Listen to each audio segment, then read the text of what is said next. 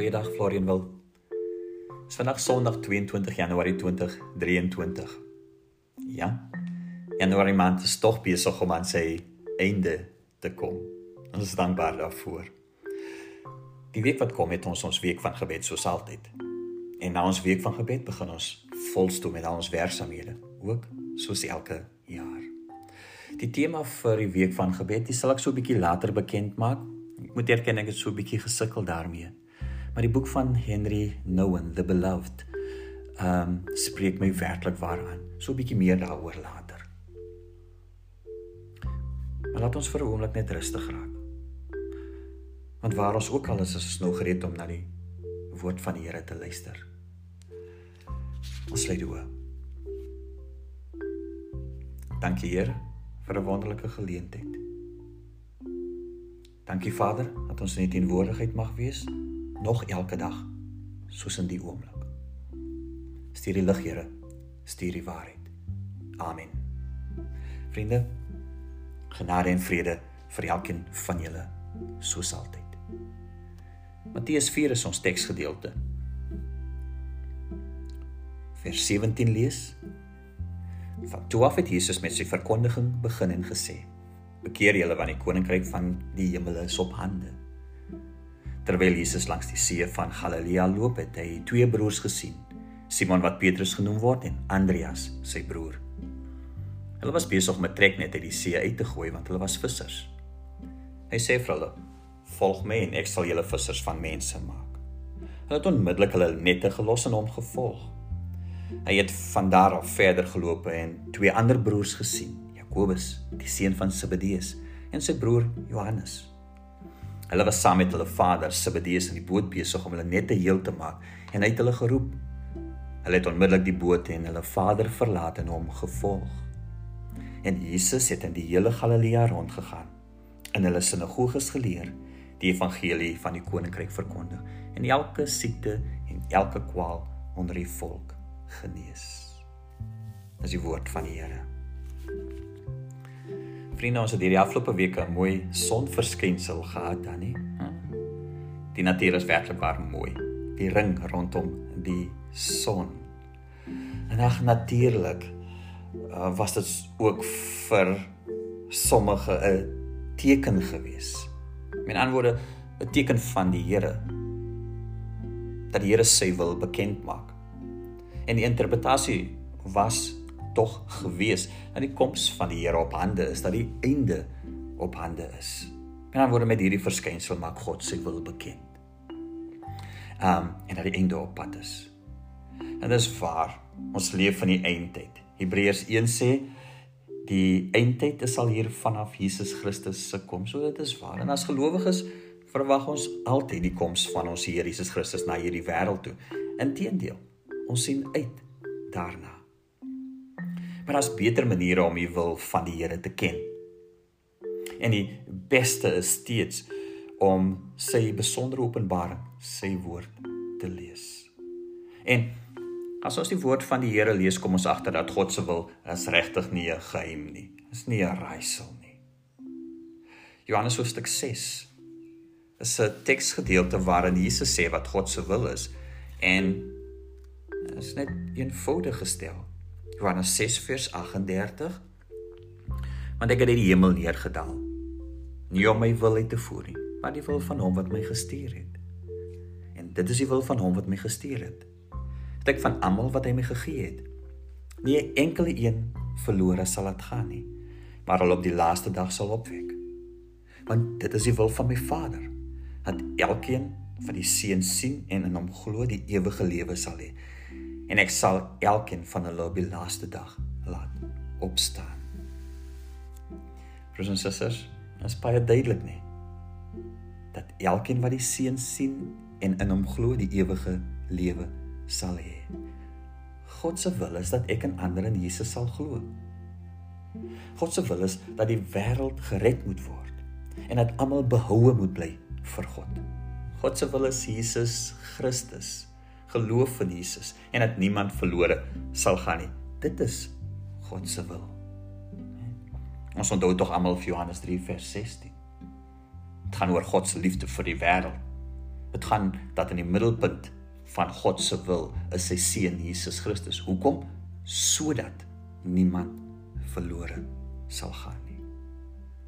In 1 Korintiërs 15 vers 28 sal Paulus ook die doel van die evangelie in 'n paar woorde gee. En dis sodat God alles in almal sal wees. 1 Korintiërs 15 vers 28, die laaste deel van vers 28. En kom u agter, hier is nie 'n enkele woord oor my of oor die mens nie. Dit gaan oor dit gaan oor God.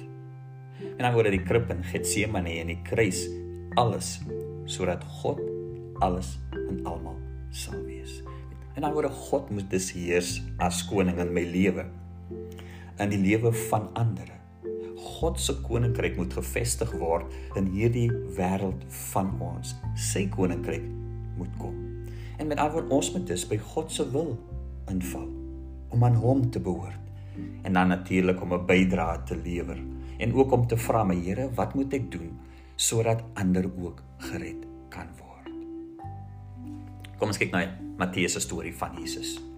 So, pas as Jesus gedoop en hy was in die woestyn gewees, die versoeking. En vertel ons teks vir ons hoe Jesus nou sy lewensveranderende bediening begin. En as Jesus begin praat, as Jesus begin verkondig, is wat hy vra die volgende: bekeer julle. En dan word maak reg. Draai om. Verander van koers, keer terug na die Here. Hoekom? Sodat die Here alles in jou en in my lewe kan wees. Want dit is tog God se wil dat dit so sal wees.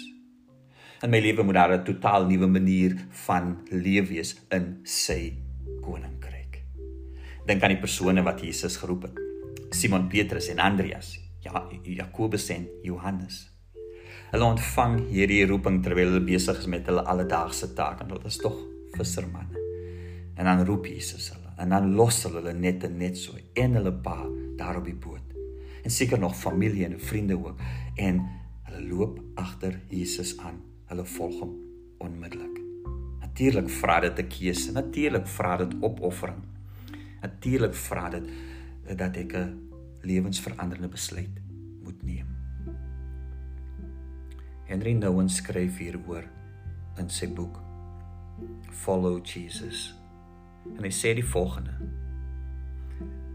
The part of us that is weak, broken or poor suddenly becomes the place where something new can begin.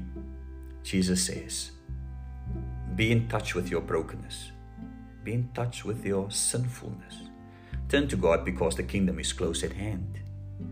If you are ready to listen from your brokenness, then something new can come forth in you. To listen from your brokenness. Op 'n manier is die woorde van Henry Nouwen vir my vir my paslik en goed en, en reg. Wanneer ons bekering hoor, is daar soms 'n onmiddellike wegvlug. Um van wat verkeerd is in die ou lewe na Jesus Christus toe. Natuurlik steeds reg. Maar wat Henry Nouwen vir my sê, is tog om op 'n manier werklik te weet wat my swakheid is. Om vanuit my gebrokenheid om regtig daarna te luister, te weet wat dit is en dan op grond daarvan in 'n nuwe lewe in te gaan. Dit gaan iets van my vra ja. Natuurlik. Dit gaan vra dat ek geloof sal hê. Dit gaan vra dat my gawes en my geleenthede en my geld ek alles ondergeskik stel aan Jesus Christus. Dit beteken my hart, hande my gedagtes. Hoe het ons gesê? Ons sodat God alles in my kan wees. Maar dis nie dat ek weggee nie. Dis ook dat ek ontvang. Natuurlik is Jesus saam met my en ek word geseën met sy teenwoordigheid. En is dat my lewe in die regte verhouding kom met die Vader. Dat ek vir 'n keer binne die wil van die hemelse Vader is. En as ek tot 'n seën verander. Onthou hoe Paulus sê in 1 Korintiërs 12 vers 1 vir wie hy roep, maak hy bekwam. Jy sien dis broers en susters. Ons weet wat God se wil is. Niemand mag verlore gaan nie, nê. God se wil is Jesus Christus. Geloof in Jesus Christus. Jesus is die middelpunt van hierdie wêreld. Sy koninkryk moet kom. En as ons vir hom aanneem, dan lees ons dat Simon Petrus en Andreas toe hulle geroep word, Jakobus en Johannes die seuns van Zebedeus, Jesus sê vir hulle van nou af is julle vissers van mense. En dis daarom ook nou my taak. Ons ken dit ook hierdie hierdie woorde vissers van mense as die visie van ons gemeente. Ja, dis reg. Beteken as ons dit uitleef en doen as ons binne die wil van die Here. Dan doen ons presies wat die Here wil hê ons moet doen. En so gaan ek bydra tot die redding van mense in die wêreld. Ja, dit gaan my eie lewe omkeer en die van ander mense ook. Ja, dit gaan uitdagend wees. In Lukas 5, wanneer Lukas die storie vertel van die roeping van die eerste disippels, is daar die hele verhaal oor die Simon Petrus en die ander wat besig is om vis te vang. En dan sal Jesus vir Simon Petrus en die ander roep en dan sal Jesus vir hulle sê moenie bang wees nie. Moenie bang wees nie. Van nou af gaan julle mense vang. Ons kan dit met vermoedigheid volg en so ervaar ons in die middelpunt van God se wil is. Natuurlik gee Jesus ook vir ons in dit wat hy gedoen het. Help Jesus om ons 'n uh, 'n voorbeeld te gee. En dis waar ons by vers 23 van ons teksgedeelte uitkom. En Jesus het in die hele Galilea rondgegaan in hulle sinagoges geleer, die evangelie van die koninkryk verkondig en elke siekte en elke kwaal onder die volk genees. Dit was Jesus se bediening gewees. Dit is ook nou my voorbeeld. Eerstens as ek dis my hart vir die Here gegee het en dis binne sy wil is. En as ek dis mos nou weet dat God van my vra om so te leef dat ander ook vir hom sal sien sodat niemand verlore hoef te gaan nie. Dan sê Jesus ek moet die evangelie oral en altyd verkondig. Op 'n formele manier op 'n informele manier. Maak nie saak nie. Tydig en ontydig vertel van Jesus. Storie van Jesus die evangelie die goeie nuus van ons Here Jesus Christus. Um terselfdertyd ook sal inkom by sy lyding en sy sterwe en sy opstanding. En dit wat Jesus alles gedoen het. En dan ook daarmee mense te kan help om te glo en in vreugde Jesus Christus aan te neem en sodat hulle ook met liefde in hulle hart kan lewe. Tweede ding. Dat ek bereid sal wees om uit die woord geleer te word. En dat ek ander onder leiding van die Gees sal leer wat dit beteken om gelowig te wees en hierdie liefde wat ek nou in my hart het hoe dit sal lyk in die lewe elke dag. En ook hiermee moet ek nooit ophou nie. Nooit nie. Moet geleer word, moet ander leer. En so kan ons uiteindelik help dat almal gevorm word om reg te lewe. 'n Derde manier, dat ek bereid sal wees om ander te genees. Natuurlik is daar mediese maniere om dit te doen en ja, dalk het ek ook die kundigheid en vaardigheid om dit te doen vir mense, natuurlik wonderlik. Maar daar's ook terapeutiese maniere om ander te genees. Om te help dat mense se lewensomstandighede kan verander. Natuurlik dit beteken dat ek verder gaan as net my eie kerklike lewe en dat ek betrokke raak in die res van die wêreld ook sodat ek ander kan help. Armoede, geweld, verslawing en soveel ander forme van gebrokenheid in ons wêreld. Ja, by geleentheid al gesê whatever makes you mad, sad or glad. En is dit goed wat die Here wil hê jy moet betrokke raak. En ons sal op 'n stadium in ons gemeente 'n bietjie aandag daaraan gee hierdie jaar, veral hierdie jaar. Um dit beteken om werklik ander te help. Om vir mense in nood te bid. Om hulle te help om hulle lewens te verander om hulle te help om anders te kyk en anders te leef, hulle gesindheid te verbeter. om ander te vergewe. Tog wat Jesus immers gedoen het. Vriende, jy verstaan dit as ons aan die begin van hierdie jaar net 'n geleentheid kry om soort van terug te gaan na die basics toe. Oor hoekom ons hier is en wat ons doen. Dan hoor ons weer eens wat ons visie is. En dan verstaan ons hoe dit direk in die wil van God inval. Ons waar ons geroep word. Kom ons help mekaar daartoe. Ons help mekaar werklik. En ons binne die wil van die Here kan bly, want ons weet wat die wil van die Here is. Amen. Baie dankie liewe Heer. Baie dankie. Ons weet wat U wil is. Ons weet Here wat dit beteken om te leef in hierdie wêreld om vissers van mense te wees. Ons weet Vader dat dit iets van ons gaan vra. Ons weet Heer dat ons alles ondergeskik stel aan U self.